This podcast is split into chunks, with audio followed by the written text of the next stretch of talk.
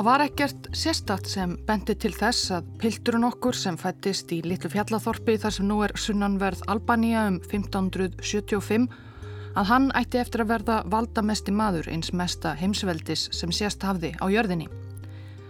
Það var almennt ekki sérlega glæst framtíð sem beigð ungar að drengja í þessu fátæka fjallathorpi. En þessi piltur fekk sérstakt tækifæri og hann vann úr því en það var pilturinn einstaklega ákveðinn og hann sveifst einskist til að fá það sem hann taldi sig að vera rétt á. Jáfnvel þó að það þýtti að hann þyrti að hafa mörg mannslíf á samviskunni.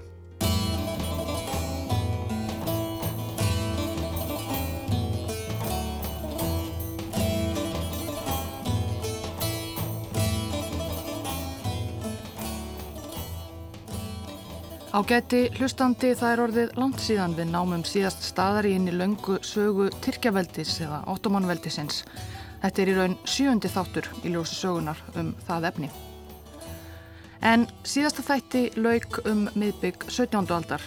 Þá hóðu konur meir og minna stjórnað heimsveldinu í heila öld, mæður Tyrkjasóldána, ömmur, eiginkonur og ástkonur sem fóru með völdin bak við tjöldin í nafni svona sinna og eiginmanna. Svo valdamiklar voru þær að þetta tímabil í sögu Tyrkjaveldis er yfirleitt kallað soldánsveldi kvennana. Segja má að því hafi lokið með dauðakonuðanafni Kösem, eiginkonu Ahmeds fyrsta soldáns og móður tvekja soldána, Múrats fjörða og Íbrahims hins galna. Eftir áratugalangt baktaldamakk, ráðabrugg og hatrama valdabaróttu var hún myrt af anstæðingum sínum við hyrðina árið 1651. Þá var svonarsvonur hennar Mehmet fjörði soldán en hann var reyndar bara barnað aldri og dauði hinnar aðsópsmiklu kösem varð ekki til þess að valdið færðist aftur í réttar hendur, það er til soldánana sem áttu að heita aðstu menn heimsveldisins. Nei, soldánsveldi kvennana leiðundir lok með kösem en nú tók við annað tímabil í sugu Tyrkjaveldis. Tímabil sem kent er við einn mann einn áhrifamikinn mann og miskunnarlausan.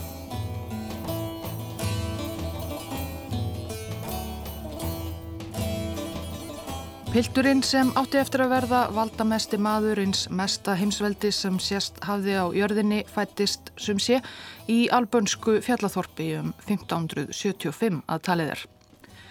Fjölskylda hans var Kristinn Albanía laut þá stjórn Ottoman Tyrkja og drengurinn sem síðar gekk undir nafninu Mehmet en hefur líklega heitið eitthvað annað fyrstu ár æfinar, við vitum það ekki, það er margt sem við vitum ekki um æfi hans. Hann var ungur sendur í þjónustu soldánsins í Istanbul. Það var eins konar skattur sem kristnar fjölskyldur á sigurðum landsvæðum Tyrkjaveldis eins og Balkanskaganum og í albönsku fjöllunum urðuð að greiða. Def Sírme var það kallað á tyrknesku bókstaflega söpnunin en aðrir hafa kallað þetta fyrirbæri blóðskatt. Drengir um 8-10 ára gamlir voru teknir sem þrælar soldáns, látnir taka íslamstrú og skipta um nafn og gáttu þeir fæstir aftur um frjálstu höfuðu strókið. Vissulega voru fæstar kristnar fjölskyldur mjög fúsar að láta efnilega unga síni sína af hendi til soldánsins á þennan hátt. En sumir skattdrengir gáttu þó komist ágætlega til metorða í Tyrkjaveldi, orðið meira en bara þrælar. Við höfum í þessum þáttum meðan annars kynstinum valdamiklu Janisörum en svo héttu liðsmenn úrvalsveita Soldáns sem voru mikið til skipaðar evróskum þrælum og þeir letu mikið að sér hveða í tyrknesku þjóðlífi. Drengurinn frá fjallathorpinu var þó ekki valinn til herþjónustu eftir að hann var fluttur til Istanbul. Nei, hann þótti ekki svo efnilegur kannski, svo hún var komið fyrir í eldhúsi Soldánshallarinnar þar sem hann var látin vinna ímis skítverk til að byrja með. Á geti hlustandi við erum komin talsvert aftur í tíman frá því þar sem við skildum við í síðasta þætti við andlátinar klóku kösum árið 1651. Þá var við völdi Soldánshöllinni allavega nafninu til Sónarsónur hennar Mehmet Fjörði. Þegar nafni hans, albanski skattpilturinn úr fjallathorpinu, hóf störf í eldhúsi hallarinnar um 60 árum fyrr, þá var tignasti hallarbúin soldánin Múrat III, langa langafi Mehmets fjörða. Um skrautlega valdatíð hans hefur einnig verið áður fjallað í þessari þáttaröð. Hann let kirkja fimm örsmáa bræður sína þegar hann komst til valda og eignaðist svo sjálfur um 40 börn með hjákonum sínum í kvennabúrinu, svo fátt eitt sér nefnd. Hvað albanski pilturinn í eldhúsinu hefur tekið inn af þessum vendingum öllum er óvist. Hann verðist hafa totlað ítla í starfi var loks sendur úr eldhúsinu í fjármálaráðuneytið og þaðan á skrifstofu hyrstjórans. Hann þótti víðast hvar frekar ósamvinnu þýður, trjóskur og þver eða það fyrir enda ransi mikið eftir áliti þess sem rítar á tíðum pildi hvaða eiginleikar honum eru eignaðir. Því sumstaðar í jákvæðari heimildum segir að það hefði einungis verið einsker elja hans og hreinskilni sem gerði öðrum erfitt fyrir að vinna með honum. Að lokum fór það þó svo að Piltsins var ekki lengur óskað í valdastöðunum í Istanbul og hann var sendur út í sveit til bæjarins Köpru í norðanverðri Anatólju, ekki langt frá ströndu Svartahafs. Þar reyndist hann pluma sig miklu betur. Hann var þarna farin að nálgast fullorðinsaldur og kleif nokkur hratt upp metorðastegan í sveitastjórninni í Köpru og kunni svo vel við sig að hann ákvaða að kenna sig framvegis við bæinn Köpru og þannig varð nafn albanska piltsins sem við vitum ekki hvað hétt áður Mehmet Köprulu eða Mehmet frá Köpru. Og þetta nafn Köprulu átti eftir að verða fyrirferðar mikið í tyrkneskri sögu þegar á leið.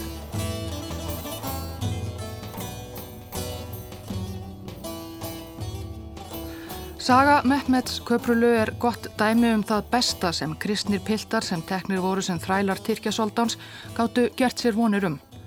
Þegar á leið vakti Köprulu okkar aðtikli hátt settra manna í tyrkneska stjórnkerfinu, hvort en það var fyrir þrjósku hans og þvermóðsku eða elju og hreinskilni og hann fekk hvert ábyrðar embættið á fætur öðrum. Hann kom víða við á ferlinum. Hann snýri á endanum aftur til Istanbul og fekk þar starf yfir manns markaðs lauruglunar sem hafði umsjón með líflegum mörkuðum borgarinnar. Svo var hann yfir maður vopnageimslu Soldáns, hann var yfir tyrkneska rittaraliðinu og svo framvegis. Hann reyndist góður í því að koma sér í mjúkin hjá valdamiklum mönnum en jáfnframt í því að halda sér á lífi í þeim miklu og oft blóðugu sviftingum sem skóku tyrknesku hirðina á 17. öld. Þessi eiginleiki gerði það verkum að hann vakti sjálfur aðtikli metnaðarkjarnara yngri manna sem hengdu sig svo á hann, ansi dæmigjart fyrir tyrkneska sjótkerfið á þessum tíma. Hlaupum áfram í tíma og fram á 5. áratug 17. aldar. Albanski pilturinn okkar, laungu orðin vel fullorðin, hafði þá komist í ansi góðar stöður. Hér að stjóri fyrst í Trabzon við Svartahaf, svo í Eger sem er í Ungverjalandi í dag, Karaman í Anatóliu miðri og svo yfir Gervallri vestanverðri Anatóliu. Þá erum við komin aftur þar sem við skildum við Tyrkjaveldi síðast, það er að segja um miðbygg 17. aldar. Tyrkneska soldánshyrðin var í ákveðinni krísum hafi raunar verið um all nokkurt skeið. Soldánsveldi kvennana sem áður hefur verið fjallaðum í þessum þætti einkendist kannski öðru fremur af hatramri valdabaróttu og blóðugum deilum innan hyrðarinnar. Það logaði yfirleitt alltaf allt í launráðum og plottum og því gafst í raun lítill tími eða ráðurum til þess að stjórna heimsveldinu almennilega. Þegar talaðir um hefði langa nignunarskeið ottomanveldisins er stundum sagt að það hefði hafist um þetta leiti á síðustu árum soldónsveldis kvennana. En albanski pilturinn, þá komin yfir sjötugt ef við gefum okkur að hann hafi verið fættur um 1575 eins og flestir telja, Hann var lítið að skipta sér af þessum svifti vindum öllum því hann var á leið aftur til bæjarins þar sem honum hafi líklega liðið best á æfinni. Köpru í norður Anatólju og hann ætlaði að setjast í Helgan Stein loksins eftir langan feril í Tyrkneskri stjórnsýslu. En þó hann hefði aðalega verið hér að stjóri einhver staðar úti í sveitum undan farna áratugi og ekki skipt sér svo mikið af pólitík og ráðabryggi í höfuðborginni þá hafði hann auðvitað myndað tengst þar og vakið aðtekli áhrifamanna þar líka.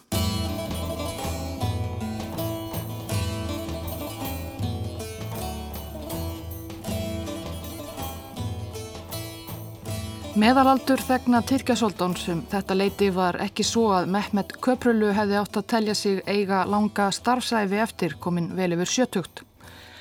En hvað gerðist svo eftir dramatískan döðdaga Kösem Soldáns ömmu og klækja kvendis 1651? Við döðdaga hennar er gerðnan miða við að tímabil valdakvennana í sögu Tyrkjaveldis hafi liðið undir lok. En það var þó önnur kona sem beigð á sviðsvængnum, tengdadóttir Kösem og móðir Mehmeds fjórða Soldáns, Túrhann. Talið er að það hefði verið Túrhann sem hvað helst plottaði að Kösem skildi komið fyrir Katarnef þarna 1651 eftir áratögi við kjöttkallana í Istanbul. Sónur hennar, tíður Mehmed fjórði Soldán, var þá enn bara nýju ára og því augljóst að einhver þyrti að fara með völdin í hans nafni. En ólíkt því sem verið hafiði undanfarna áratögi í þessu soldánsveldi kvennana þegar það voru eiginkonur, mæður og ömmur soldána sem fóru með því raunverulega vald, þá virtist Túrhann þessi sem eins og svo margir í sögu Tyrkjaveldis á þessum tíma var þræll að uppruna, líklega flutt nauðug í kvennabúr soldáns frá Úkrænu eða Kvítarúslandi, þá virtist hún ekki kæra sig um að hafa eins bein áhrif á stjórnsísluna sjálf og aðrar mæður og formæður höfðu gert á undan henni. Hún vildi heldur láta hinn að daglegu stjórnsíslu heimsveldisins í hendur valdamesta embætismanns ríkisins á eftir soldáninum sjálfum, í hendur stórvesýrsins. Vesýrar í ottomanska stjórnkerfinu voru eins konar ráðherrar, ráðgjafar soldáns í ymsum málaflokkum og hlutverkins æðsta þeirra, stórvesýrsins, ekki ósvipað fósætisráð þeirra. Stórvesýrar fóru fyrir fundum vesýra og skrifstofa þeirra var í soldánshöllinni en svo gætt miklu munað hversu valdamiklir þeir voru eftir soldánum. Og nú var soldánin Mehmet fjörði bara barn og Túrhann móður hans vildi fá tröstana mann til að halda um stjórnartaumana í hans nafni. Það kom ekki hver sem er til greina í svo valdamikið og mikilvægt ennbætti.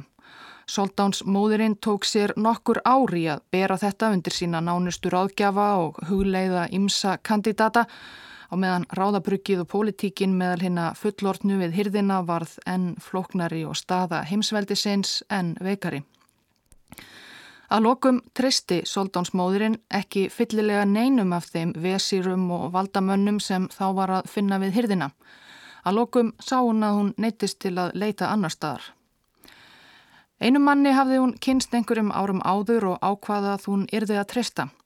Þetta var eldri maður og því nokkuð yfir valdabaróttuna við hyrðina hafinn, þektur fyrir elju sína eða þrjósku.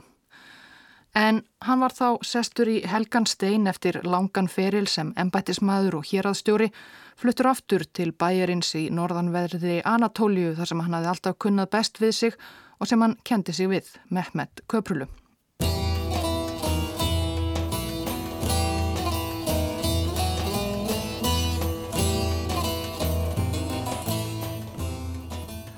Þetta var 1656. Köprulu hinn albanski var þá orðin áttræður að minnstakosti.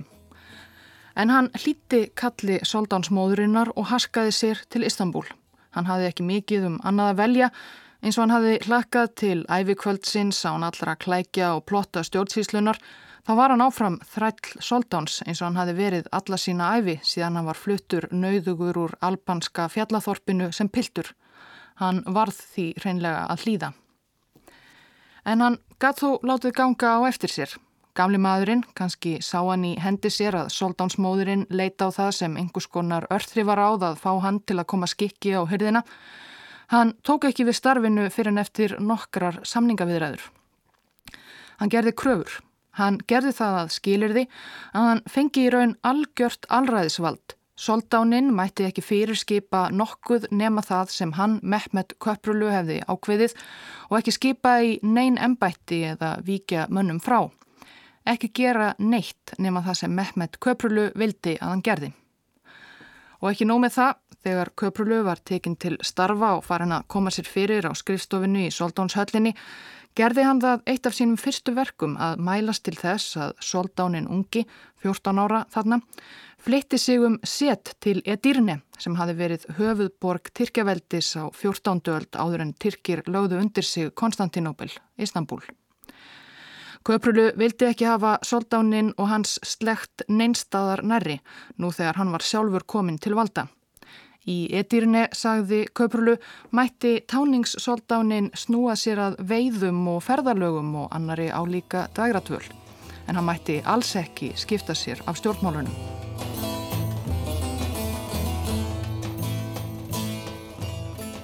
Skipan Mehmet Köprulus í ennbætti Stórvesir svo hefði mikla vald sem honum var fært á silfurplata vakti blendnar tilfinningar í Istanbul. Einn af forverum köprulus í stöðu Stórvesírs var ekki sérlega ánæður. Sjá hver slæmur dagur er raunin upp í ottomanveldinu. Að svo ömurlegur vesalingur sem köprulu sé gerður Stórvesír.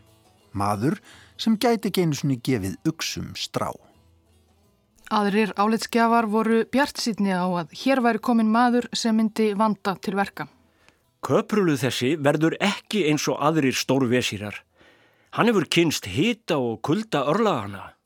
Hann hefur upplifað fátækt og örbyrð, áföll og sviftingar. Hann hefur mikla reynslu og þekkir vegi veraldarinnar. Í síðasta þætti um sögu Tyrkjaveldis var meðal annars fjallaðum það að þarna um miðbygg 17. aldar hefði hið langa nýgnunarskið ottomanveldisins verið hafið. Það er auðvelt að segja að það hafi verið augljóst núna mörgum öldum síðar en raunin er að það var orðið augljóst þá þegar. Valda barótta við hyrðina, ímislegt karp hafði leikið Tyrknest vald grátt. Mehmet Köprulu sáðað alltjent í hendi sér og vildi breyta því og sem allráður hafði hann einmitt til þess ansi mikið ráðrúm. Svona í stuttumáli þá stjórnaði Mehmet Köprulu stórvesýr með óta og ábeldi. Hann var snöggur að skipa sína menn í öll helstu embætti og hreinsa át alla sem hann taldi geta ógnað sér. Það gerði hann yfirleitt með því að einfallega láta taka menn af lífi. Ráþerrar, embættismenn og herfóringjar fengu að fjúka í stórum stíl. Einn böðull í þjónustu hins opimbera myndist að síðar að hann hefði komið um fjögur þúsund mönnum fyrir Katarnef á valdatíð Köprulus. Dæmi um ógnar stjórnunarhætti Köprulus má finna í brefi sem hann ritaði héraðstjóra nokkrum sem honum fannst ekki taka nógu vel á ofbeldisfullum kósakagengjum í sveitum sínum. Vissulega vorum við báðir aldir upp í kvennabúrunu saman og báðir læri sveinar múrat fjörða soldáns. Þrátt fyrir það móttu vita, frá og með þessari stundu, að ef hinn er bölfuðu kósaka ræna og brenna fleiri þorp og bæi við strandlegjuna, Þá sver ég við nafn drottis almáttugs að ég síni þér enga miskun og skeiti ekkert um rétt síni þína. Heldur lætt brytja því í spað, veröldinni til varnaðar.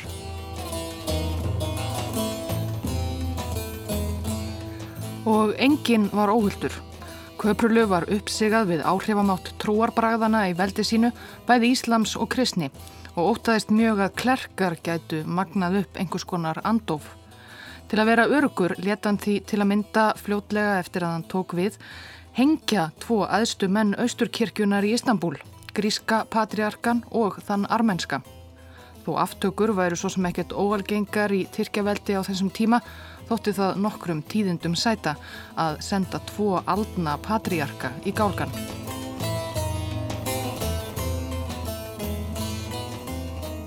Þegar Köprulu tók við höfðu Tyrkir verið í stríði í 11 ár við forna fjendur sína feneinga, stríði sem snerist aðalega um yfirráð yfir henni auðugu miðjarðarhafsegju Krít. Tyrkir höfðu lagt undir sig stóran hluta eigunar og haldið lengi en feneingar voru sterkari á hafi úti og þarna hafði feneiska sjóhernum tekist að hindra nær alla umferð tyrkneskra skipa um hellusund. Hellusund var einn mikilvægasta siglingarleiðin til Istanbul og í kjölfar aðgerða feineinga hafði matar og vöruverð rókið upp í höfuborginni og óænæja almennings var mikil. Hinn er sífælt afskiptasömu og ósáttu Janissarar, úrvals þræla hermenn Soldánsins, hótuðu því að gera uppreist en einu sinni fenguður ekki meira að býta og brenna. Þetta var ástand sem gæti auðveldlega sprungið í loft upp. Köprulu lagðist í strax í að endurskipuleggja herrabla veldisins og það á sinn miskunarlausa máta. Hann let meðal annars taka af lífi aðsta aðmírál sjóhersins sem hafði ekki staðið sig nóg vel gegn feningum sem á fleiri herfóringja. Þessar blóðugu aðgerðir voru umdeldar í hyrð og herfóristu en Mehmet Köprulu hafði jú svo gott sem allraðisvald og menn voru fljóttir að átta sig á því að það borgaði sig ekki að reyna að standa upp í hárun á honum. Og endur skipulagning hersins bar skjótan árangur. Tæpu ári eftir að Köprulu tók við sigraði Tyrkneski sjóherinn þann Feneiska í orustu við minni Hellusunds og opnaði þannig að nýju siglingaleiðina í gegnum sundið. Ástandið í borginni batnaði. Stríðinu lauk ekki strax en versta hættan var að baki.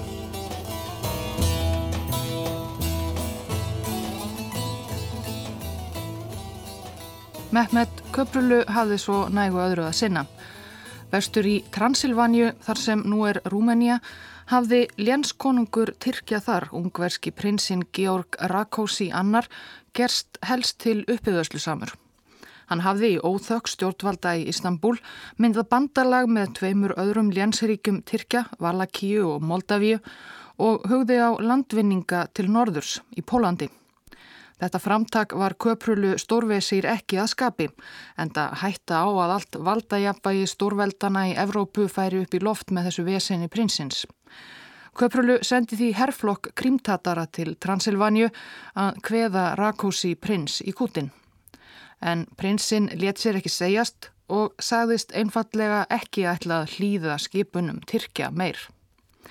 Þá var stórvesýrnum nóg bóðið. Í janúar 1658 settist hann því sjálfur á bak hesti sínum gamli maðurinn og leti stærra herlið til Transilvanju gegn þessum gamla bandamanni. Rakósi prins var skelkaður og flúði land og Göprulu treyði þannig áframhaldandi tyrknesk áhrif í Transilvanju.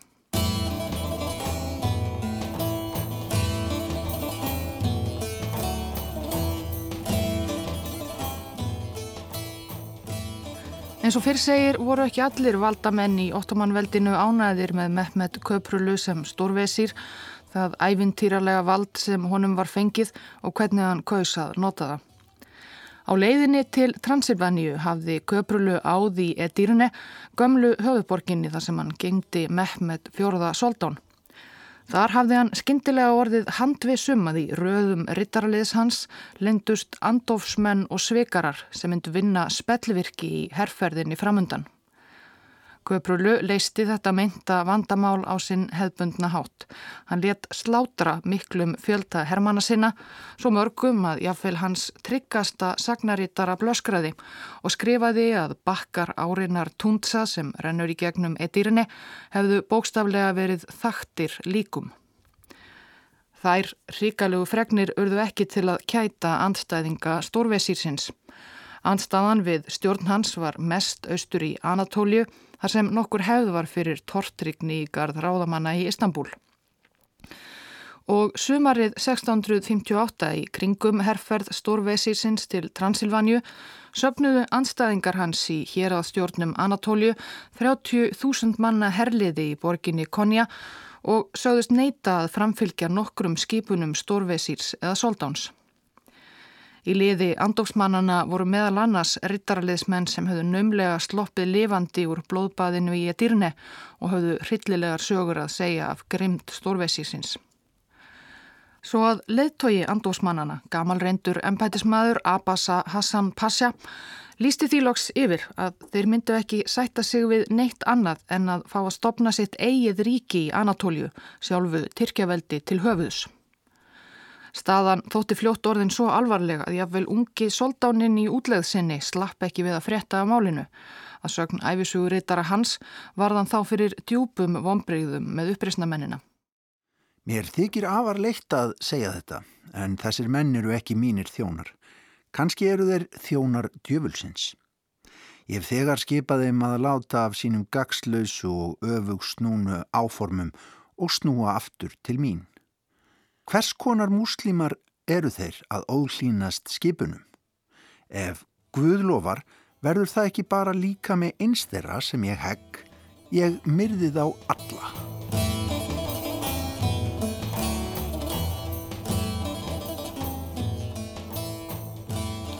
Uppreist Abasa Hassan Pasha vakti mikinn óta. Þegar frettist að uppreysnarherin var á leiðinni úr Konja í austri og stemdi á Istanbul, letu borgarirvöld grafa skurði í kringum borgina til að verjast og almennir borgarbúar lokuðu sig skelkaðir inni á heimilum sínum. Enguða síður voru margir sem hafðu samúð með málstað uppreysnarinnar. Hinn blóðþyrsti stórveisýr Mehmet Köprulu var ekki beint vinsæl, þó svo að það væri svo að segja bannað með lögum að gaggrína hann ofinberlega. Hjá mörgum fekk Abasa Hassan Pasha á sig blæ einskonar messiasar sem veri á leiðinni að frelsa mennundan ofríki stórveisísins. En uppreysnarhernum sótist seint til Istanbul og eftir mikið þram og mikið mannfall í bardögum við sveitir stórveisísins þegar fór að vetra og kólna ákvaðu Abasa Hassan og félagar að hörfa til Sýrlands til að býða af sér veturinn í mildara loftslægi. Ástandið var þá orðið ansi slæmt í herbúðum uppreysnamannana nefnilega. Þeir áttu lítið fjö og litlar vistir til að fæða hermennina. Engurir reyndu þá að flýja og koma sér aftur inn í gömlu hersveitir sínar í höfuborginni en þegar komst upp um slíkt létt Mehmet Köprulu umsveifalöst taka mennina af lífi. Það var því bara nokkur léttir fyrir Abasa Hassan og samverkamenn hans þegar í herbúðir þeirra komu sendibóðar frá aðsta manni herabla Tyrkja í Sýrlandi, Murtesa Pasha í Aleppo. Með skilabóð þess efnis að ef þeir gæfust upp, yrðu þeir allir sem einn náðaðir og ekki refsað fyrir upprist sína. Þá bauðst þeim að koma til Aleppo sem gestir yfirvalda þar svo það færi nú velum þá á meðan þeir byðu hinnar formlegu náðunar. Abassa Hassan og menn hans aðframkomnir af hungri og vósbúð gáttu orðið lítið annað en gengið að þessu tilbóði. Þeir fluttu sig yfir til Aleppo þar sem þeir fengu inni heima hjá ímsu mektarfólki í borginni. Abassa Hassan sjálfur gisti í glæsilegum húsakinnum Murtesa Pasha aðsta herfóringja Tyrkja í borginni. En hinn formlega náðun leta eitthvað á sér standa. Það liðu vikur og mánuður. Kvöldið 24. februar 1659 sáttu þeir Abassa Hassan og Murteza við kvöldverðarborðið á samt fleirum, áttu og drukku í mestu vinsemt. Þeir höfðu ákveðið að stryka yfir fortið þeirra sem óvinnir og voru orðnir mestu mátar, virtist vera. Að málsverðinum bloknum stóð Abassa Hassan upp og gekkin á Baðherbergið til að þó sér fyrir kvöldbænirnar. Þar sem hann stóð við vasslöginna ruttist flokkur manna inn á Baðherbergið. Mennirnir gripu Abassa Hassan og heldu honum föstum á meðan einn skaran á háls aftanfrá. Andartaki síðar lippaðist Abassa Hassan örendur niður á Baðherbergiskólfið og um leið ómaði fallbissugnýr yfir borgina. Hann barst frá borgarvirkinu mikla í Aleppo miðri. Fallbissu skotið var merki til mektarmannana sem hýstu hína uppreysnamennina ár liði Abassa Hassjans og þeir vissu hvaða þýtti. Nú áttu þeir að hefjast handa, að drepa þá alla. Eflaust hefur á þessum vikum og mánuðum sem uppreysna mennirnir dvöldu inni á Aleppo búum tekist vinskapur með einhverjum eins og Habassa Hassan taldi sig vera orðin vinur gestgjafa síns Murtesja Pasha en gestgjafarnir hlítu leinilegum skilabóðunum og réðust á gesti sína og myrtu þá. Hversu margir fjallu þetta blóðuga kvöld í Aleppo 24. februar 1659 er óvist. Sum leiðis er enn á huldu nákvæmlega hvað gerðist og hvers vegna. Snýrist Tyrkneskum stjórnvöldum hugur að bjóða upprisnamönnunum sakarupgjöf eða var þetta allan tíman þaulhugsuð gildra? Það er enn í dag nokkuð sem sakfræðingar hafa ekki komið sér samanum en þannig fór sumsið með uppreysn Abasa Hassans sem var líklega einn upplugasti anstæðingur sem Mehmet Köprulu átti við að etja á ferli sínum sem stórvesir. Allir myrtir og Abasa Hassan sjálfur afhöfðaður. Höfuðlaust lík hans var svo hengt fyrir utan borgarmúra Aleppo á samt líkum fleiri uppreysnarmanna en höfuð Abassa Hassans var tróðið fullt af stráum og sendt allarleið til Istanbul þar sem það var haft til sínis öðrum til varnaðar.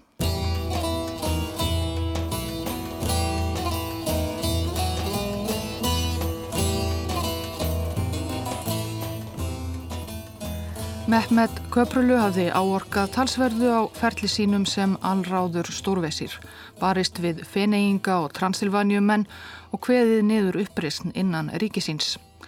látið myrða mörg þúsund mynda óvinni sína. En hann var orðin fullorðin. Þegar hann fyrirskipaði morðin á Abasa Hassan, já það verður að teljast ansi líklegt að hann hafi fyrirskipað það, og hinnum upprýstnamönnunum í Aleppo 1659, þá var hann orðin 84 ára gamall og upp úr þessu fór hann að missa helsu. Gatt sífælt minna skipt sér af ríkisrekstrinum og látið drepa fólk eins og hann var vanur. Og undir lok oktobermánaðar 1661 var orðið ljóst að stórveðsýrin 86 ára ætti sjálfur ekki langt eftir. Mehmet fjórði Soldán tók sér þá frí frá stöðugum veiðiferðum sínum og fór frá Edirne til Istanbul að vitja stórveðsýr sinns á dánarbeðinum. Soldáninn var þá orðin 19 ára gamall en hafi lítið gert annað en að vera á veiðum árum saman. Sagan segir að hann hafi verið svo upptekin af því að eldast við Ímis villidýr að hann hafi jafnan verið úti frá því árla morguns og þar til hann sá ekki lengur framfyrir sig í næturmyrkrinu. Fekk barasta aldrei leiða þessu. Og þrátt fyrir að köprulu hefði haldið soldáninum nær algjörlega frá stjórnsíslunni var kært með þeim tveimur. Soldáninn er saður hafa litið á stórvesýrin Aldna sem einskonar föðurýmynd en fadir soldánsins Íbrahím hafi verið vanheitl á geði og látist þegar sonurinn var bara sex ára. Líklegast skemmti ekki fyrir að Köprulu hafi leift soldáninum bara að sinna sínum áhuga málum í friði án þess að hafa áhyggjur af stjórnmálum og öðru vesenni. En þó svo að hann hefði aldrei viljað að Mehmet fjörði skipti sér neitt af ríkisrekstrinum veitti stórvesirinn á dánarbeðinum soldáni sínum nokkur stjórnsýslur áð að skilnaði. Þau voru þessi. Að skipta oft um aðstu ráðamenn og ráðgjafa. Að halda hermönunum sí uppteknum í stríði. Að hafa ríkiskassan alltaf fullan sama þó almenningur þurfi að svelta. Að refsa minnstu mistökum með dauða. Og hlusta aldrei á konur. Og svo að lokum stakk köprulu upp á því við Soldán hver geti tekið við af honum sem stórvesir. Það var hans eigin sonur, Fasil Ahmed Köprulu. Soldán félst á það eins og hann hafi fallist á allt sem Köprulu eldri sagði honum hinga til. Svo 31. oktober 1661 lést Mehmet Köprulu, stórveisýrin miskunarlausi frá albanska fjallathorpinu eftir bara 5 ár við völd, 86 ára gamal.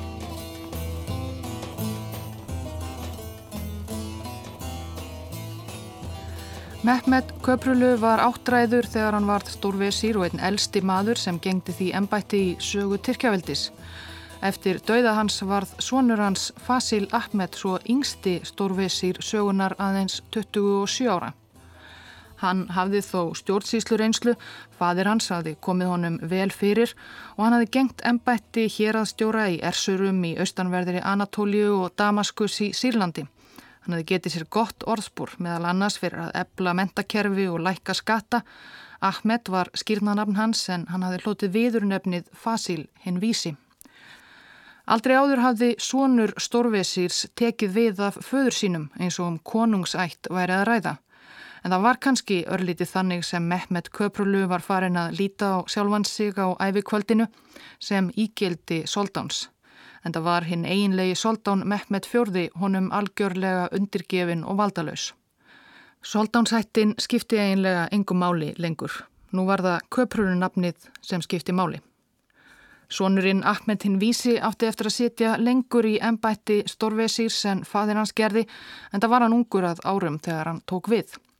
En Ahmed átti eftir að halda áfram á sömu braut og fadir hans, braut aga og miskunarleisis og hernaðasigra. Köprulu ættin, afkomendur albanska piltsins úr fjallathorpinu, átti eftir að láta til sín taka í Tyrkjaveldi og í gjörvallri Evrópu næstu áratugina og ekki sleppa tökunum fyrir löngu síðar. Það var nóg eftir að gera og vinna, meint hnignun heimsveldisins mátti býða aðeins.